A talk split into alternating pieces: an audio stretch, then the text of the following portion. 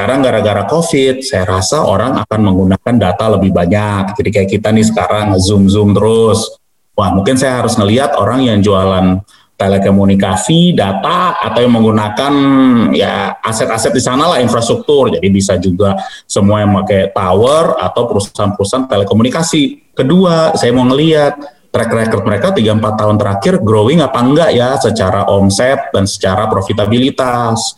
Kalau iya, oke, okay, ya kan. Terus yang ketiga, saya beli sahamnya harga yang baik apa tidak dibandingkan dengan nilai yang seharusnya untuk nilai perusahaan itu.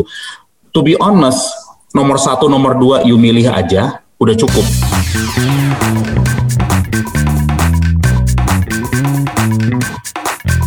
Hey guys, welcome back to Dompet Millennial, a podcast about investments, uh, nabung, dan really a lot of things yang uh, impact dompet-dompet kita.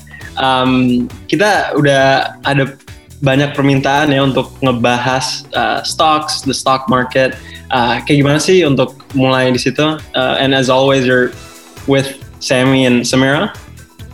Um, hari ini we have such a special guest and, and kita lumayan excited untuk untuk episode hari ini. Uh, kita ada, ya, karena sebenarnya udah beberapa bulan ini uh, we're discussing a lot about investments and savings, and selalu kita ngebahas tentang investment in stocks. Tapi me and Sammy itu belum berani nge apa ya nge explore stocks uh, especially investment in stocks karena mungkin we don't have that much experience in it gitu. Yeah. Jadinya we really wanted to have someone that we can learn from and also um, probably give us a little bit more insights into stock market di Amerika dan juga di Indonesia dan primarily mungkin di Indonesia soalnya itu yang lebih um, accessible juga buat kita ya Sam. Iya benar.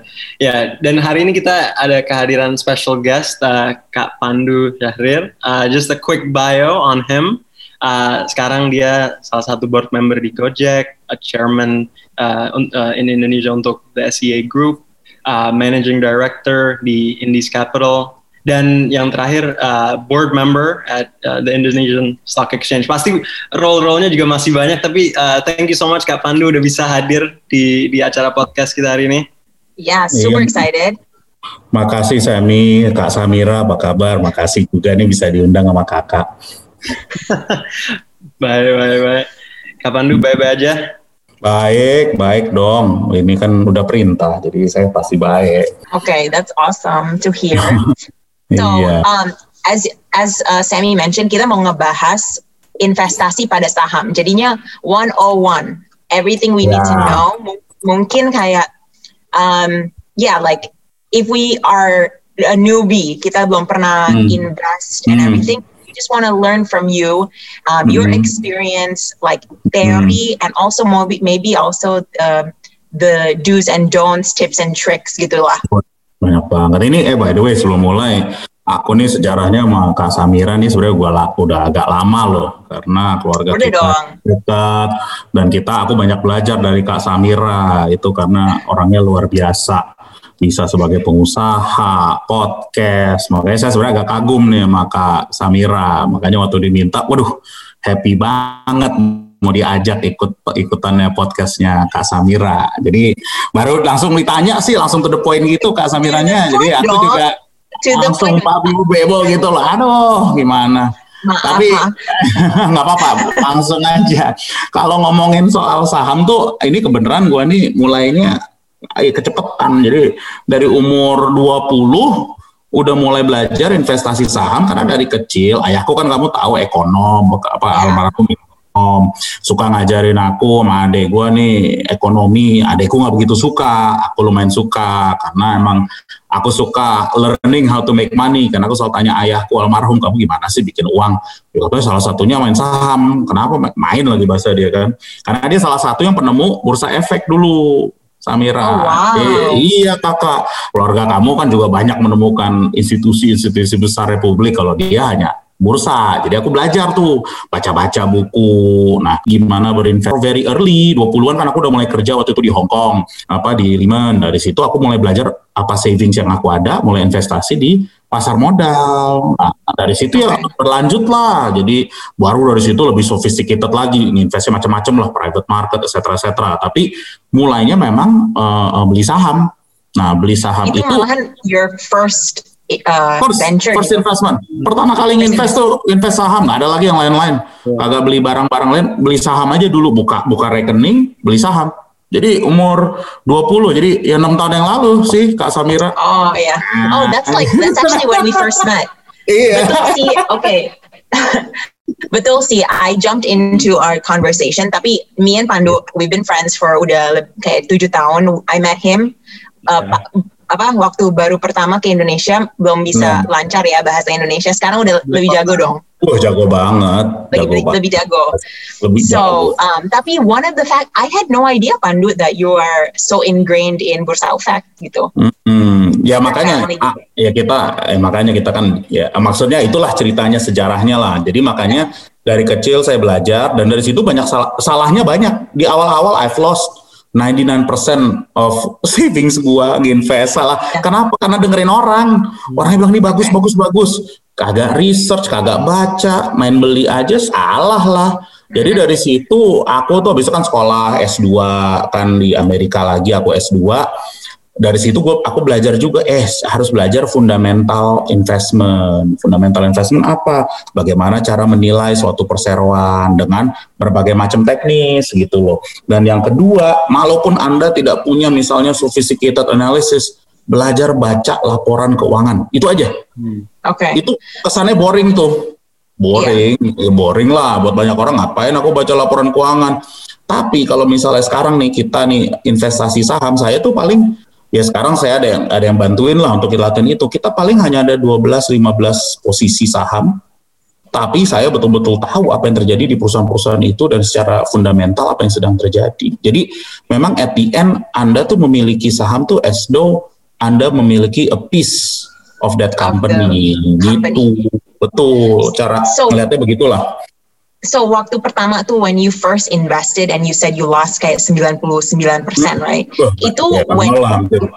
hampir hampir semua lah. When you when you did that was it because it was a short term kayak yeah. uh, you invested terus kayak ambil gitu kayak gitu. Iya iya, ya begitulah. Aku masuk berapa, terus tiba-tiba dua bulan lagi, loh kok kayak gini? Hmm. Rupanya ada fraud di company-nya. Di Hong Kong lagi aku nginvestnya waktu itu tuh nggak ngerti apa-apa, hanya dengerin orang doang. Hmm. Jadi di situlah gue belajar. Ya boleh denger, tapi harus cek and recheck and recheck lagi, gitu loh.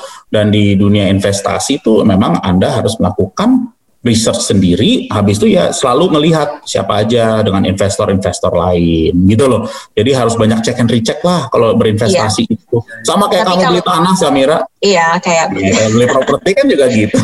iya, properti like location, um, you know, what's the, your neighbors doing? Betul. what is the future? What's the current value? What's the future estimated hmm. value? Right? Betul. what are potential developments around? Kan yeah. tapi Betul. kalau misalnya kita ngelihat stock what do you mean by pengertian gitu? Kayak hmm. kayak apa Jadi, yang kita harus ngelihat gitu? Saya saya ngelihat mungkin ada beberapa dibagi. Saya ngelihat prospek dari sisi bisnisnya secara makro bagus nggak? Nomor satu.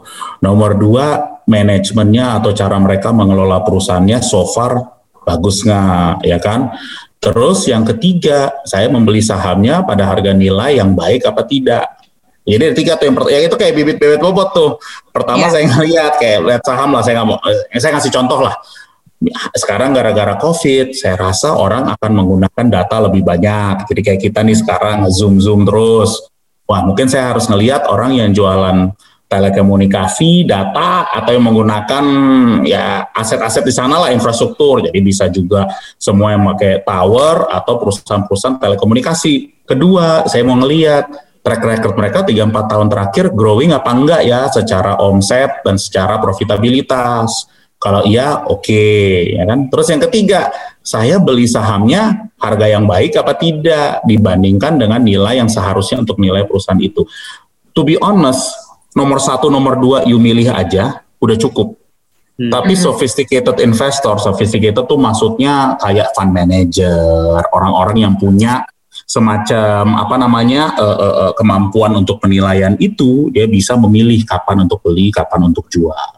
to be honest buat adik-adik kita yang lagi dengerin nih nomor satu sama nomor dua sebenarnya you're 70% of the battle karena biasanya kalau udah track ya already lah. Kalau misal track recordnya udah bagus perusahaannya memang bagus dan dia nomor satu di industri ya kan? Mm-hmm. jadi misalnya di telekomunikasi mereka nomor satu biasanya they'll continue to be that way gitu loh. Jadi mikirnya sih kalau bisa emang disimplify lah. Berinvestasi itu harus simple ya kan? Jadi jadi mikirnya kita try to simplify habis itu baru melihat ya udah saya beli dulu harga sahamnya mungkin turun 20% arti tambah murah beli lagi gitu loh yeah. karena at the end of the day Anda harus memikir 5-7 tahun ke depan malah siap kali turun kesempatan lebih murah kayak kan kayak Samira beli baju eh di Shopee tiba-tiba harganya turun 20% pasti mau beli lagi kan gitu ya yeah, jualan yeah. dikit kan Samira ya. gitu ya. jualan dikit jualan dikit kapan kapan lu apa tadi yeah. kapan lu udah udah bilang berapa poin tuh tapi um, untuk orang-orang yang yang mau mulai ini kan disinformation kan public juga ya. Jadi benar Semua publik? Informasi publik? Kalau mau research mau cari tahu itu it's it's available Bisa. to them. Kadang-kadang kan orang ngira the apa inaccessibility untuk stocks adalah wah ya saya nggak tahu ini company ini apa apa mereka ngapain atau apa hmm nggak bisa. Semua informasinya bisa di download apalagi kalau perusahaan mereka nomor satu di industri hmm. biasanya informasinya lengkap banget di mereka punya website investor relation jadi bisa baca yeah. jadi ini emang satu harus latihan membaca nah seneng nggak ngebaca kepada teman-teman adik-adik kita karena ini caranya saya coba ini sharing juga gimana menjadi permanen licuan daripada siap sehari-hari cuan. Bagaimana bisa permanen cuan dan untuk itu memang itu perlu maksudnya pelatihan. Itu emang harus latihan. Saya aja kan tadi saya bilang dari umur 20 saya udah mulai belajar. It takes hmm. time ya kan? Investasi itu selalu takes time dan bukan berarti kalau udah sekarang ini jagoan nggak juga. Masih belajar terus karena sekarang industrinya pun banyak yang berubah. Mana yang bagus nanti ke depan ya kan? Kita juga nggak tahu. Jadi itu yang tetap our goal selalu ngebuka network kita selalu belajar. Belajar itu penting dan selalu ngebaca jadi kalau kita ngomong nih kepada adik-adik yang udah bilang oh saya pengen nih bikin uang nih gimana nih ya caranya ya emang harus rajin baca juga dan berinvestasi yeah. dan harus investasi gitu loh kalau saya bilang. So I have a question. Jadinya you had mentioned the top two is um, the like the industry and the environment, industry, and the second yeah. one is like the direction of the company itself. Okay, then find the best one. And find, the best, one. one. Yeah. Nah, ini kan internal forces within the company, tapi kan juga ada external forces, which is the economy, right? Mm, so when yeah. is the best time? Kalau misalnya kita ngelihat, when is the best time to actually invest? is it right now during a recession the best time? Yeah, yeah, yeah. Like menurut when the economy is doing well. Enggak, menurut saya sekarang waktunya beli malah pada saat Maret April tuh kita paling semangat beli to be honest. Hmm. Jadi always at the maximum pain is the best time to buy. Selalu. Okay. Saya paling takut kalau kalau misalnya beli saham pada saat semuanya turun tuh paling deg-degan karena honestly sebagai investor bisa dibilang Anda tuh masih 50% kalau apalagi baru mulai ya 50% persennya feeling, 50% persennya mikir. Gimana you bisa flip jadi 90 persennya pakai mikir, 10 persennya feeling. Nah itu itu beda. Tapi feeling akan selalu ada. Cognitive bias bahasa kerennya itu selalu ada.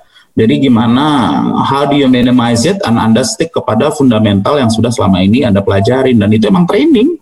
Mau nggak mau, itu yeah. kayak, uh, ya gimana ya, ya, ya training lah berbisnis. Oke, okay, jadi sekarang menurut saya, ya menurut saya sih sekarang kalau balik lagi pertanyaannya Kak Samira tadi, sekarang nih waktunya Kak, karena menurut saya nih ini kan recession, sekarang nih recession dan mungkin bisa, uh, saya rasa bisa sampai pertengahan atau akhir 2021. Tapi kan stock market itu adalah assessment 6 sampai 12 bulan ke depan. Jadi okay. kalau misalnya ah, Anda tunggu sampai bulan Juni, tapi terus bulan Juni bilang, eh kayaknya 2022 udah bener-bener nih ekonominya bergerak sahamnya udah gerak duluan. Jadi saham tuh selalu leading indicator hmm. mau ke mana okay. marketnya. Jadi pada zaman-zaman sekarang menurut saya sih harga sangat atraktif di harga 5000 ini sangat atraktif. Kalau yang bulan Maret April tuh bener-bener ya udahlah itu kasarnya uh, betul-betul orang bener-bener takut. Kalau sekarang menurut saya sebagian besar orang masih takut tapi mulai melihat gitu loh. Jadi ya menurut saya sih now is as, as good of a time as any untuk ngeliatin saham and when do we when can we feel the benefit Ya, insya Allah kan kalau kita ngeliat sekarang the next one year pun kalau misalnya ekonomi kita turn around, seharusnya benefit itu mulai kelihatan. Jadi yang penting selalu milih industri yang menurut kakak Samira, Mas Emi menganggap, eh ini nih yang bakal menarik banget. Terus nomor dua, eh ini nih market leadernya. Itu okay. aja menurut saya Anda akan will, will make some return lah dari situ. Berarti itu safe bets ya? ya semua safe lah asumsi gitu lah. Karena aku nggak berani ngomong. Kan kita bukan advisor kak. Hanya sharing pengalaman kak. Iya. Dan pasti kalau orang lihat stocks balik ke mungkin dependency on their investment style ya. Kalau lebih agresif mungkin mm. bisa ngelihat yeah, yeah. stock dan company yang mungkin stylenya juga lebih agresif atau maybe a little bit more risky ada juga yang lebih konservatif dan Ya, siapa orang beda-beda lah.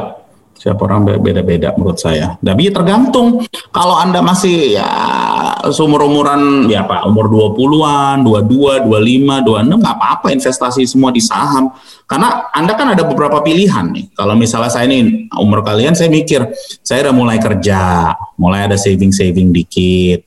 Saya taruh di deposito earning berapa 3% per tahun atau saya taruh apa namanya uh, uh, uh, uh, beli emas, DP rumah atau beli saham. Nah, lo yo harus lihat nih pro and con-nya gimana. Yang enak sama saham hanya satu, Anda bisa menilai informasinya terbuka dan bisa jual dan beli dan jual anytime. Kalau DP rumah, kamu lo stuck berapa lama Kak Samira? Bisa 20 yeah. tahun, bisa 10 tahun. Jualnya yeah. aja susah, ya kan? Mm-hmm. Nah, kalau misalnya emas, emas tuh yang nilai siapa sih? Persepsi orang hari ini murah apa mahal kan tergantung kalau orang lagi printing banyak currency ya tentu dolarnya akan menguat lah karena it's essentially is an index against currency. Kalau hanya mau healthy deposito, I mean my view deposito is the worst place to put in money. Okay. Jadi, karena pasti hilang, pasti rugi. Over time, your value of your rupiah semakin tahun semakin menurun. Itu certainty kalau menurut okay. saya. Jadi cash is the worst place to be. Nah, pada zaman-zaman orang tua kita selalu dibilang cash is king karena you have to put it in cash. Yes and no. Kenapa? Karena sekarang central bank tuh ini agak teknis ya kepada kakak kepada yang dengerin nih bisa ngeprint uang aja suka-sukanya. Mm-hmm. Aneh itu menurut aku ini ajaib, ajaib lah yang terjadi sekarang industri sekarang secara makro. Makanya mau nggak mau buat para investor yang ada kita harus selalu investasi in a higher yielding asset gitu loh. So, jadi itu loh, jadi balik ke kalian nih, ya, ya makanya balik ke adik-adik ini kepada yang dengerin nih sekarang. Apa sih yang perlu saya lakukan ya? Mana sih yang paling penting buat anda-anda semua? Jadi saya ada nih pada umur saya nih ya, saya sharing aja nih pada saat umur saya sama sama kalian. Fokus saya hanya satu, to be honest. Kalau saya bisa buat sekolah, sekolah. Hmm. S2, S3 atau apa itu paling penting lah kalau saya nih ya. Itu karena ajaran dari almarhum ayah saya. Karena menurutnya kalau saya sekolah kalau ini saya bisa tambah mahal nilainya di market pun orang akan menilai saya lebih baik kurang lebih. Jadi saya selalu fokus ke sana. Tapi setelah itu kalau harus lihat investasi saya pasti akan kalau per personal saya saya akan pasti ngelihat ke capital market mau saham di Indonesia ataupun di luar negeri yang saya comfortable.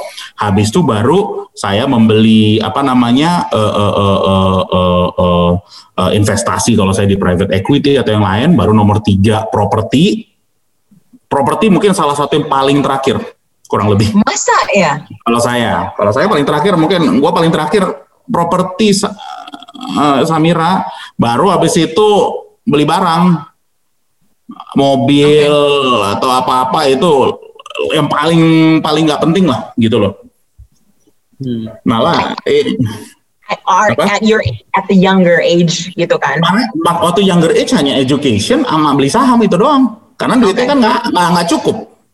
So, so are you saying that sebenarnya soalnya in a couple of episodes ago we were talking about safe and risky investments and malahan kita tuh uh, we didn't classify our opinion soalnya mungkin karena we don't know juga ya we didn't hmm. classify investing in stocks as a safe investment malahan we thought deposit like CD deposito itu lebih safe gitu.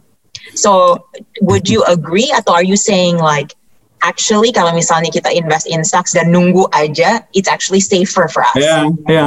Aku paling nggak suka CD sama deposit. Kenapa? Karena it's a false sense of feeling karena kamu ngelihat di rekening kamu, eh aku masih ada duit nih 20 juta rupiah atau 30 juta rupiah masih di situ uangnya. Yeah. Tapi kalau misalnya saya investasi ekuivalen saham yang sama, eh saya tuh dapat return loh, mungkin dividen yield yang bagus ya, 7% per tahun. Saya earn that 7% tambah upside Hmm. Malah kalau saya nih pribadi malah ngelihat jangan banyak besar-besar kalau ada tabungan di situ saya masukin di saham dengan ya pilihan-pilihan yang saya menurut saya baik, I get better return, better upside dan kalau misalnya ada apa-apa saya bisa jual sahamnya kalau diperlukan gitu loh. Hmm.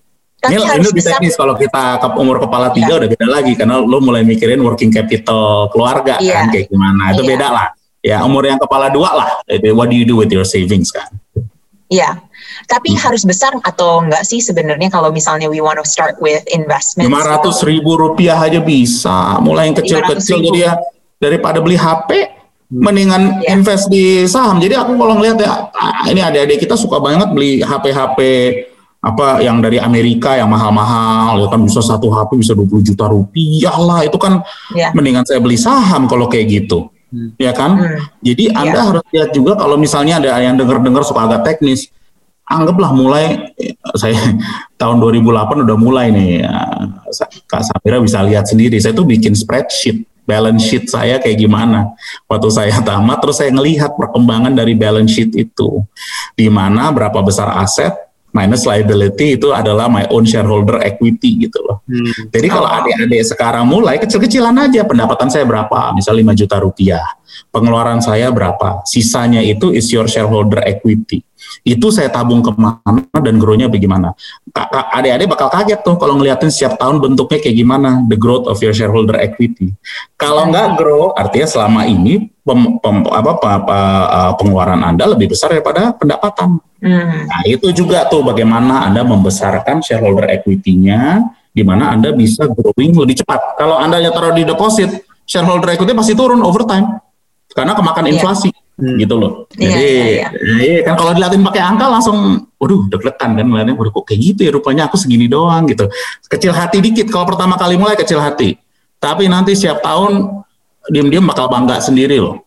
Terus uh, apa namanya? Kalau kan tadi Kak Pandu juga sempat ngomong kalau kita bandingin stocks dengan mungkin uh, hal-hal uh, yang lebih fix income kayak uh, deposito atau atau uh, ada upside ya dalam stocks di, di mana uh, we don't know how successful mungkin a stock will be atau a company will be in the future. Jadi itu mm. gives apa ya good uh, uh, uh, apa ya uh, positive maybe outlook gitu untuk orang yang mau invest ke stocks dan jadi kalau aku tuh ngelihatnya kan tadi kata sih Kak Samira ngomong kan dari awal yang dianggap paling safe malah CD, mungkin properti karena bisa dilihat, saham dianggap paling risky. Ini kadang-kadang juga gara-gara noise juga dibilang gitu. Karena sekarang misalnya nih di, di bursa kebetulan saya jadi komisaris, saya kan lihat nih ada beberapa yang bandel-bandel, saham bisa naik banget terus turun banget. Tapi kalau kita perbandingin dengan company yang benar-benar bagus, sebenarnya setiap tahun mereka growing saham returnnya bagus gitu loh. Jadi hmm. aku juga, gue juga juga ngerasa we just have to be a more learn person lah dari sisi berinvestasi gitu loh. Yeah. Ya dan misalnya kalian sekarang mulai nabung di bank, kalian juga bisa uh, uh, apa namanya mulai beli-beli apa asuransi lah atau apa untuk yang bisa ada nilai investasi ke depan. Tapi saya aku nih selalu melihat ke saham kenapa? Karena saya rasa secara risk adjusted for now saham adalah alternatif yang yang sedikit lebih baik, jauh lebih baik lah kalau dibandingin CD dan dan lebih baik dibandingkan uh, beberapa aset kelas yang ada yang ditawarin kepada adik-adik yang dengerin sekarang gitu loh.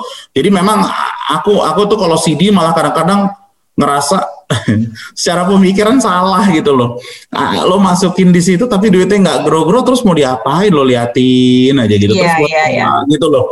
Dan dan overtime memang bener-bener turun. Itu sih itu iya. kepastian yeah. lah. Ya kan jadi misalnya nih yeah. aku nih ngomong investasi kan bisa di luar negeri juga kan. Kalau lo misalnya lo punya satu 100 juta rupiah 2010, kamu save di CD 10 tahun, kamu mungkin dapat ya 115, 110, 115 juta, 15 juta lah returnnya. Itu selama 10 tahun. Dan lu bayangin rupiah turun dari 9.000 ke 15.000. Sebenarnya secara dolar lu tambah miskin hmm. 40 persen. Jadi ini gue gak mau terlalu bawah lah. Saya asumsi ini semua domestic market ya. Jadi kalau domestic market, gimana lo bisa grow your 10 juta rupiah, bisa nggak lebih dari 30-50 persen selama 10 tahun. Gitu loh. Itu yang harus. That's how you have to grow your wealth. Gitu loh. I think I think that people are hesitant for stocks karena juga there's a lot of volatilities yang not under our control kan. Now, how do we how do we protect ourselves from that kind of volatility? Mungkin is it uh, awareness when we need to take out the stocks atau mungkin yeah. patience to ride the ride the volatility? Apa? What kind of things so that we are more in control? Setiap orang mungkin beda-beda ya, uh, Kak. Jadi kalau misalnya saya, saya tuh malah kalau lagi downturn, apalagi karena kalau masih muda, pas downturn yeah. tuh nambah beli. Downturn nambah beli. Oke, okay, let's tip beli. one ya. When it's yeah. going down, you buy tapi emang karena saya percaya apa yang saya beli. Jadi harus ada juga okay. kepercayaan Anda nih bilang ini benar-benar murah lah, aku pasti beli lah kalau nambah. Tapi kalau buat saham yang benar aku sebenarnya jujur spekulatif, itu kan ada yang spekulatif, saya langsung cepet-cepet jual.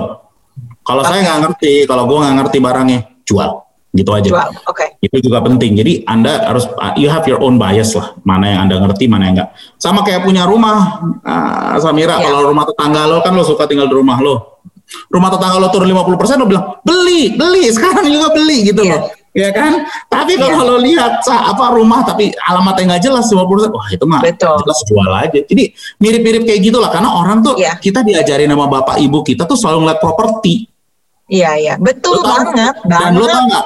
Lo tau nggak kenapa properti? Karena zaman zaman dulu yieldnya bagus, Samira. Jadi kalau lo misalnya rumahnya ya di rumah yang apa kawasannya bagus lah ya. Kalau Sonopati ya. lah, Menteng, kamu bisa dapet yieldnya bisa 10 persenan. Iya. Makanya dianggap bagus. Orang kan kagak minjem, yieldnya 10 persen terus orang bayar di depan. Semua bayarnya di depan ya kan. Habis itu lu bisa dua tahun, tiga tahun tuh bisa semua depan. Ya orang bilang, wah ini gue bisa payback 3-4 tahun Masalahnya 10 tahun terakhir dunianya tuh udah berubah gitu loh. Okay. Jadi sekarang itu yieldnya kalau misalnya properti paling dapat 2 persen, 1 sampai 2 persen kalau tanah. Kalau misalnya yieldnya apartemen 2 2 3 persen. It's actually have become a much worse asset class than we expect before. Aku malah yeah. ini ini sorry nih kalau teman-teman ada yang juga bilang ah gua keluarga gue bisnis properti. Ya memang sekarang ada penurunan tapi balik lagi yieldnya berapa? Karena bisa aja harga turun tapi juga rental yieldnya juga turun. Iya betul betul. Jadi ini juga harus ngelihatnya agak dingin kan antara apartemen lah atau rumah lah mana yang iya. menurut ini dibandingin saham. Saya ya. bandingin deh nih, saya ngasih saham Anda punya nih, saya ngasih angka yang gede ya, 10 miliar. Lo mau beli rumah di Menteng atau lo mau beli saham Telkom contohnya. Ya iseng lah, aku pakai Telkom aja dah. Menteng okay. lo punya yield berapa? Terus sekarang lo paling dapat 1-2 persen. Tapi kalau Telkom lo mungkin bisa dapat 4-5 persen. Mm-hmm. Dan bedanya rumah di Menteng lo mau jual ya bisa cepat bisa lama. Okay, just Telkom, for the listeners that are not yeah. aware, yield itu apa? So how nah, do you yield itu yield? simple, harga beli. Jadi misalnya harga beli 10 m dan pendapatan dari situ berapa? Jadi misalnya mm-hmm. lima persen itu lo dapat 500 juta bagi 10 miliar, gitu kan? Itu lima persen. Mm-hmm. Kalau rumah lo dapatnya berapa tuh? Ya kan? Jadi ya semua tergantung lah. 100 juta ya. kan 100 juta. Nah semua tergantung. Kan saya balik ke harga kan. Nah nah di sini sih kalau menurut saya makanya saham lebih menarik. Karena kalau misalnya ada apa-apa saya bisa jual semua. Dapat cash lagi. Ya and kan? the thing is kalau misalnya rumah it takes a long time to sell. Bukan you itu know? aja. Pusingnya juga banyak. Harus ngurusinnya lah, orang-orangnya lah, pajaknya lah. Kalau saham kan pajaknya rendah. Jual belinya okay. berapa? 0,5 persen. Yeah. Rumah 5 persen sama dua setengah persen beli dan jual. Oke, okay, so misalnya kita beneran, oke, okay, we wanna buy stocks nih. How do we start? Like, kalau misalnya Indonesian stocks. Ada, tinggal buka rekening gampang. Kalau itu mah bisa, ya ini nitip lagi. Gue ada perusahaan namanya Stockbit. Jadi lo bisa juga masuk di situ. Atau bisa juga dengan yang lain-lain gitu loh. Mau buka-buka rekening sekarang bisa online, bisa main di HP. Ya kan, you bisa beli saham di sana uh, dan cepat menurut saya.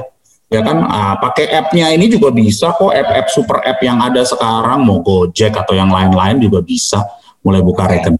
Karena sangat simpel. By the way, Kak Samira tahu nggak? Sekarang nih kita di bursa tuh ada 3,1 juta retail account dibandingkan tahun lalu hanya 1,6 juta. Gara-gara wow. banyak banget anak muda masuk. Dan ini semuanya anak-anak muda. Di bawah umur 30 tahun semua. Mm. Jadi mereka sedikit lebih muda daripada kita, Kak dari kita sedikit satu dua tahun sedikit. aja. Iya gitu dong. Satu dua tahun aja. eh, tapi luar biasa perkembangannya. Jadi yeah, ada fastest growth is actually among the millennials di sini dan iya. mereka yeah. Sangat penasaran bagaimana cara investasi dengan baik, bagaimana bisa mendapatkan pendapatan dengan baik gitu loh. Yeah, but you also see that it's also because the economy in Southeast Asia, predominantly Indonesia, is getting stronger juga. Like uh, hmm. more people coming back and investing here in Indonesia. Iyalah karena menurut saya kan sekarang Indonesia is probably one of the the best growth story even dengan adanya COVID ini kita mungkin yang paling salah satu yang lebih resilient. Sekarang kita baru keluar omnibus law. Ini buat ada-ada yang dengar kan omnibus apaan sih gini-gini gini. Ya sebenarnya tuh mempermudah kita apalagi buat yang masuk ke tenaga kerja. Uh, uh, pertama kita bisa lebih bagus, lebih mudah dari sisi pelaksanaannya. Sebenarnya hak-haknya adik-adik juga sebenarnya dijaga jadi itu juga perlu tahu juga tuh, itu juga bagus uh -huh. dari sisi jagaan. Dari sisi investasi juga memudahkan orang untuk masuk investasi di Indonesia. Dan itu penting karena kenapa? Karena nambah kesempatan buat kita-kita juga cari kerjaan. Itu juga penting. Yeah. Biar kita ada opsi tambahan loh. Itu penting kita bisa dapat tambahan opsi-opsi yang baru. Jadi emang mempermudah satu dari sisi dunia investasi masuk ke negara kita dan yang kedua dan itu ini bagus banget lah dan yang kedua memang menjaga juga hak-hak yang kita ada selama ini sebagai karyawan atau sebagai employee. Nah, yang penting nih buat adik-adik yang dengerin nih, karena udah tahu podcast, udah tahu dengerin uh, sosial media, udah dengerin Kak Samira, saya asumsi kalian mau lebih sophisticated lagi. Hmm. Sebenarnya kalau lo lihat 10 tahun ke depan dengan adanya lo ini ini membuat actually a more flexible working environment buat kita semua. Mm-hmm. Jadi sebenarnya positifnya banyak itu loh. Jadi itu juga yang mungkin perlu juga nanti dilihat nanti ya kalau udah tenang-tenang dikit bisa dilihat bahwa sebenarnya it's actually more positive dan ini. Kalau ya ada kekurangan kiri kanan ya namanya manusia ya iya, ya kan. Betul. Ya, tapi kita coba memperbaiki aja itu aja poinnya. Iya. Gitu kak. Terus Kak Pandu pengen nanya juga kalau misalnya orang yang baru mulai uh, ke stock market apalagi kayak di aplikasi-aplikasi begitu Um, hmm. Aku selalu dengar it's always good to diversify. Uh, don't jangan taruh telur di satu basket lah ya. Um, uh, ya betul. Untuk untuk orang yang baru mulai, um, gimana? Is it enough to just start maybe with one atau udah oke? Okay? Ya, ya kalau beli satu, menurut saya kalau misalnya anda harus beli ya beli 5, 6 sampai 10 saham yang menurutnya paling potensi lah, paling prospektif. Jadi kalau misalnya habis COVID ini, dan ini bukan anjuran ya, jadi jangan anggap ini saya ngasih advice macam-macam nanti dibilangnya saya stock advisor lagi. Tapi misalnya eh, iyalah aku langsung taruh preamble, nah nanti wah komisaris bursa ngasih stock advice nanti pusing gua. Tapi poinnya kan adalah nah, kalau lo lihat habis covid apa sih yang menarik? Misalnya lo bilang oh healthcare menarik, oh mungkin uh, teknologi atau misalnya komunikasi menarik, oh mungkin perbankan menarik, ya, oke saya beli deh. Siapa sih yang setiap hari saya pakai? Kan cara paling gampangnya gitu tuh. Yeah. Saya yeah. di mana? Oh ya mungkin saya beli di sini karena support service-nya bagus gitu loh. Yeah. Oh di mana saya beli? Saya pakai HP siapa nih? Ih ini HP-nya mahal banget sih setiap bulan minggu nih pulsanya pasti bagus nih karena saya tetap pakai dia. Ya udah saya beli gitu loh. Jadi mungkin bisa as simple as that habis itu baca gitu loh. Apa gitu loh. Karena saya yakin sekali Anda membeli dan berinvestasi, Anda pasti akan lebih penasaran, pengen tahu apa yang Anda investasikan. Ya. Uh -huh. Terus Betul. untuk yeah. cek uh, stoknya, um, ada orang yang yang bilang harus cek tiap hari, harus cek tiap tiap jam. Itu is that Aduh. an okay practice atau? Jadi gini kalau kalau kalau saya nih ngecek mungkin sekali sebulan kali ya ngeliatin ada apa okay. gitu kecuali ada ada tiba-tiba berita gitu loh uh, saya nggak terlalu aktif kalau ngeliatin saham apa individu karena saya juga emang udah nggak nggak nggak nggak trading gitu loh jadi saya ada yang bantu saya ada yang bantuin lah untuk melakukan itu sekarang. Tapi jujur kalau sekali analisa, Anda bisa cek sekali seminggu, ngeliatin bagaimana. Kalau emang suka penasaran dan saya tahu lah anak apa teman-teman ini kan teman apa mobile first ya. Saya rasa Anda pasti akan cek setiap hari.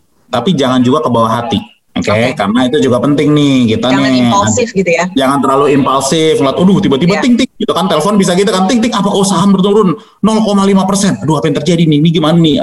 Bisa aja hari ini lebih banyak penjual daripada pembeli, gitu aja kan? Yeah. Itu kan you never know gitu loh. Jadi uh, saya juga tahu behavior kan ini namanya apa generasi TikTok yeah. ya TikTok generation ya kan jadi kalau generation TikTok tuh happiness dalam waktu 15 detik kan jadi kalau anjuran saya jangan ngeliatin saham terlalu siap 15 detik 30 detik ini gimana just stick to fundamental baca dan emang to be honest in the long run you'll make money nggak terlalu dipusingin gitu loh jadi if, oh, sorry yeah, aku nih Nah, balik ke kalian juga nih, jujur nih kalau pada adik-adik, saham itu kan sebenarnya tempat untuk menabung, untuk berinvestasi. Unless you want to be a professional investor. Mm -hmm. Karena Anda bisa punya passion beda-beda. Kalau Kak Samira, entrepreneur. Seorang kepala keluarga yang luar biasa, ya kan? Jadi itu macam-macam tuh. Tapi ingin juga berinvestasi. My yeah. advice adalah kalau perlu, uh, put it in a proper mutual fund, let a professional do it for you. Salah satu cara. Okay. Cara paling gampang tuh jadi mm -hmm. nih saya tabung deh setiap minggu nih misalnya satu juta, dua juta, tiga juta, whatever the amount, saya masukin ke mutual fund yang dianggap ratingnya paling bagus. Monggo. Itu okay. pusingnya langsung hilang, lo nggak usah mikirin apa-apa deh. Tok masuk, okay. ya kan? Jadi saya lihat dong setiap tahun saya review bagus apa enggak, yeah. gitu loh. So nah. sebenarnya there's two ways ya, you can do it yourself or you can ask someone to do it Betul. in which they will fix a mutual fund They'll do it for you. Mereka harus karena mereka juga kompetitif dengan yang lain. Yeah. Ya kan mereka juga kompetitif sama yang lain. Jadi mereka Anda tuh dibantu karena Anda bisa lihat yeah. banyak pilihan mana yang ratingnya paling bagus gitu loh. Tapi what's the pros and cons kalau misalnya kita sendiri yang ngelola sama when we ask someone else to do it gitu. What's the risk? okay. Jadi aku aku simpel aja. Kamunya passion nggak ngeliatin ginian? Dah gitu aja. Aku nih kalau aku lebih simpel aja. Full stop. Kamu passionate apa enggak berinvestasi? Mm, Oke. Okay. Saya memang kerjaan sehari-hari saya dan passion saya memang di investasi. Iya. Yeah. Ini buat saya this is it.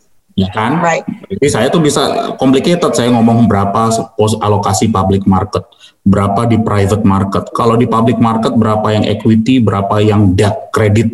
Nah, habis itu kalau di private market berapa yang di private equity, berapa yang di VC, berapa yang ini. Jadi holistik lagi tuh lebih pusing kan kalau yeah. buat ada-ada yang dengerin apaan nih? gitu loh. Tapi yeah. emang kalau professional investor tuh udah nyarahnya ke sana. Okay. so to be honest kalau misalnya unless you're passionate jadi ini balik nih dan anda bakal tahu nih pada adik-adik yang umur 20 26 the first couple of years kan anda cari juga apa sih yang saya suka ya kan? Ah, kalau anda ada yang dengerin ada yang suka angka pengen belajar go deep dive on it. Karena eh, eh, never boring kalau menurut saya tapi ya. kalau passionnya Anda adalah saya pengen jadi arsitek atau pengen jadi guru atau pengen jadi apa pun yang saya jago tapi saya pengen menabung, mm-hmm. better to leave it to somebody professional to do it. Oke. Okay. Itu loh. So, jadi balik ke passionnya. Balik ke passionnya and if we're willing to do it. So I think we're gonna close up. We have two more questions for you. I want to yeah. actually go back to what your late father had mentioned. He said mm. main stocks kan. Itu sebenarnya mm, like main saham, ya main saham, invest in saham. Itu sebenarnya kayak berjudi nggak sih? Aku nggak suka makanya bahasa itu dari ya. awal kak. Aku banyak tuh, kan yang bilang kayak gitu. Banyak orang suka ngomong main saham tuh kayak main-mainin untuk biar sahamnya namanya bahasa sahamnya digoreng-goreng buat naik turun. Aku tuh paling benci dengerin itu. Kalau mau beli saham ya investasi saham aja, nabung gitu loh. Nabung. Makanya aku tuh kalau denger, eh kita main saham ya, ah udahlah gue nggak ikutan invest. Udah gitu aja. Karena aku tahu they're not professional. Hmm. hmm. Gue udah tahu. Dan kalaupun misal dia bilang profesional, saya nggak mau cara bikin duit seperti itu. Kenapa? Karena sekali ada goreng-goreng saham, pasti nanti ada yang kena dan ada yang disakitin. Yep. Jadi gue nggak mau ikutan yang kayak gitu. Jadi kayak kasus Jadi, sekarang nih yang ada nih, main goreng-goreng saham yang sekarang lagi kasusnya Jiwasraya segala nih. Kan at the end of the day niatnya beda. Sekali hmm. niat lo beda, hasilnya pun akan beda. Gitu loh. Jadi ya. aku tuh yang ini aku agak saklek lah. Kalau aku tuh kalau investasi emang ya nabung di saham investasi aja gitu loh. Gitu kak. Jadi aku ya itulah. Oke. Okay.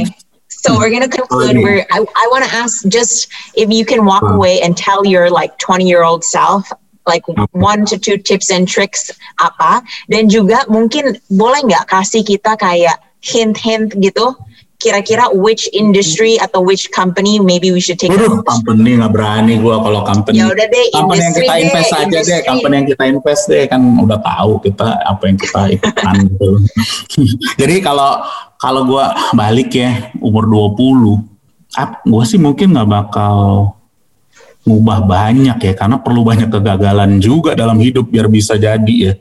Yeah. Jujur yang salah satu gue terima kasih sama bokap almarhum tuh waktu ngomong dulu gue nggak bakal ngasih lo apa-apa dulu ya kecuali nih education lo buat uh, uh, uh, apa uh, college lo. Habis itu nanti lo cari ya. Dari situ gue bilang, waduh kacau nih, gue harus mulai kerja beneran. Makanya gue kerja kecepatan jadi gue langsung kerja tuh banking segala. Jadi kalau misalnya ada satu, ya mungkin ini satu ya, gue belajar banyak nih. Uh, karena kan gue kerja kecepatan dan gue lama di Amerika, gue balik ke sini ke Indonesia, kulturnya nabrakan. Itu adalah gimana lo belajar jadi dan ini satu lah orang banyak bilang gue ini orangnya agak terlalu to the point ya belajar humble itu sangat penting hum, humility itu sangat penting. Aku selalu harus diingetin kalau soal itu itu juga penting banget. Dan aku sekarang hmm. fortunately aku banyak ingetin diriku siap pagi tuh. Ya. Yeah. Karena you never know, right? Dan dalam hidup tuh ya kita harus banyak belajar. Kayak belajar sama Semi, belajar sama Kak Samira. By the way, Kak Samira ini jujur apa ditanya-tanya Kak Samira nih sebenarnya you mungkin sebenarnya harus masuk di TV nih sebenarnya dari sisi yang lain mungkin Anda tuh Kak Samira mungkin Syihab yang paling cocok masuk di TV wow. karena nanyanya Bisa nanyanya aja. enak nanyanya enak banget gitu loh Kak. Bisa jadi, aja. Jadi kita pun jadi kita pengen sering-sering sharing. Ajak nah, ajak Pandu ke Bali kita sering-sering. Boleh, iya dah. Ini emang Kak Syihab yang paling oke okay nih kalau udah nanya-nanya.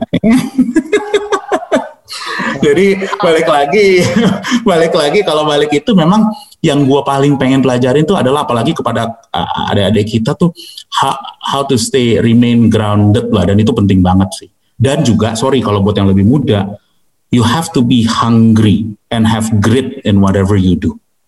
Mm-hmm. Beda ya, karena kalian umur misalnya umur 20-an gitu, you're here to prove yourself. How do I have value gitu. Jadi lo harus kerja ekstra keras dan lo harus bisa proof konsisten gimana gue bisa menambah nilai. Dan itu adalah challenge lo 5, 10, 15, 20 tahun ke depan. Gimana membuat yeah. diri lo makin valuable lagi dan itu penting sekali gitu loh. Jadi yeah.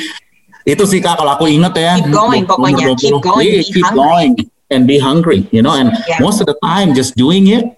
You know, dude, 90, 98% of people, they're, they're, they're just going through life, just through life Just only that one or two percent are doing it with a purpose and doing it with ini, tapi juga being grounded with certain values itu juga sangat yeah. penting. Tapi Jadi, itu I I love that sih sebenarnya karena we don't leave it up to luck, you know. We no. are yeah, we do everything with purpose, intent, yeah. and drive. And Harus. when you fall down, you use it as an opportunity to learn. Naik lagi dong, iya dong. Ya kan? Ya. Kalau yeah. jatuh mah dari kecil kita suka jatuh. Iya. Masa sekarang kalau udah jatuh lebih sensitif ya, ah, berdiri aja ya. lagi, ya, paling sakit-sakit dikit, habis itu ya masih bisa, masih bisa jalan ya nggak? Iya betul. And I think that another thing kayak kita mungkin mungkin our re, apa our listeners orang-orang ngelihat misalnya Pandu sekarang gitu kan udah yeah. successful. You're like apa ma managing director of Indies Capital, board member Indonesia Stock Exchange. Tapi they don't see your journey yeah. yang kemarin mungkin 10 sampai 15 tahun when you were like 20 and you lost all your investment money yeah, gitu yeah, kan. Betul. Betul, semua tuh ada. You now gitu. Makanya kalau ngelihat orang, maksudnya semua hidup tuh kita ada sejarah masing-masing dan sebenarnya kita masih melanjutkan sejarah yang ada. Jadi kita still creating our own history ke depan. Jadi yeah. makanya nih kepada adik-adik kita look forward 10 ke tahun ke depan tapi always remain grounded, right? So have values. Kalau saya tuh selalu grit itu penting, humility itu penting. Jadi dan itu harus lo inget terus setiap pagi. Wake up, that's what you're doing, man. Dan have a sense of purpose of what why you're doing what you're doing. Itu juga mm-hmm. penting banget. Yeah. Gitu, Kak. Yes, I love it. Um, hmm? thank you so much for your wisdom. Kayaknya itu benar-benar uh, one of the lessons that we have to all learn and remember. Iya, yep. Kak. Belajarnya juga dari kakak kok. Iya, yeah, thank you so much. Kita saling belajar. Iya, saling belajar. Mungkin untuk aku yang uh, masih going through early stages of my career uh, banyak lah yang bisa ditangkapin dan mudah-mudahan yang yang dengerin juga uh, lebih termotivasi sekarang habis dengerin kapan. So we want to just obviously thank you so much, Pandu, for being here, giving us some of your time. I am so appreciative. Um, we learned a lot. As you know, setiap minggu di Dompet Millennial, me and Sammy, we want to just learn more about um, financials, investing, savings, everything ya. And yeah. karena kadang-kadang topik-topik yang kita ngebahas, we're not the experts, kita juga ngajak teman-teman kita um, sambil kita juga uh, belajar. So yeah. thank you Pandu once again and tune in Mondays and Thursdays. Makasih Samira, makasih Semi. Bye bye bye.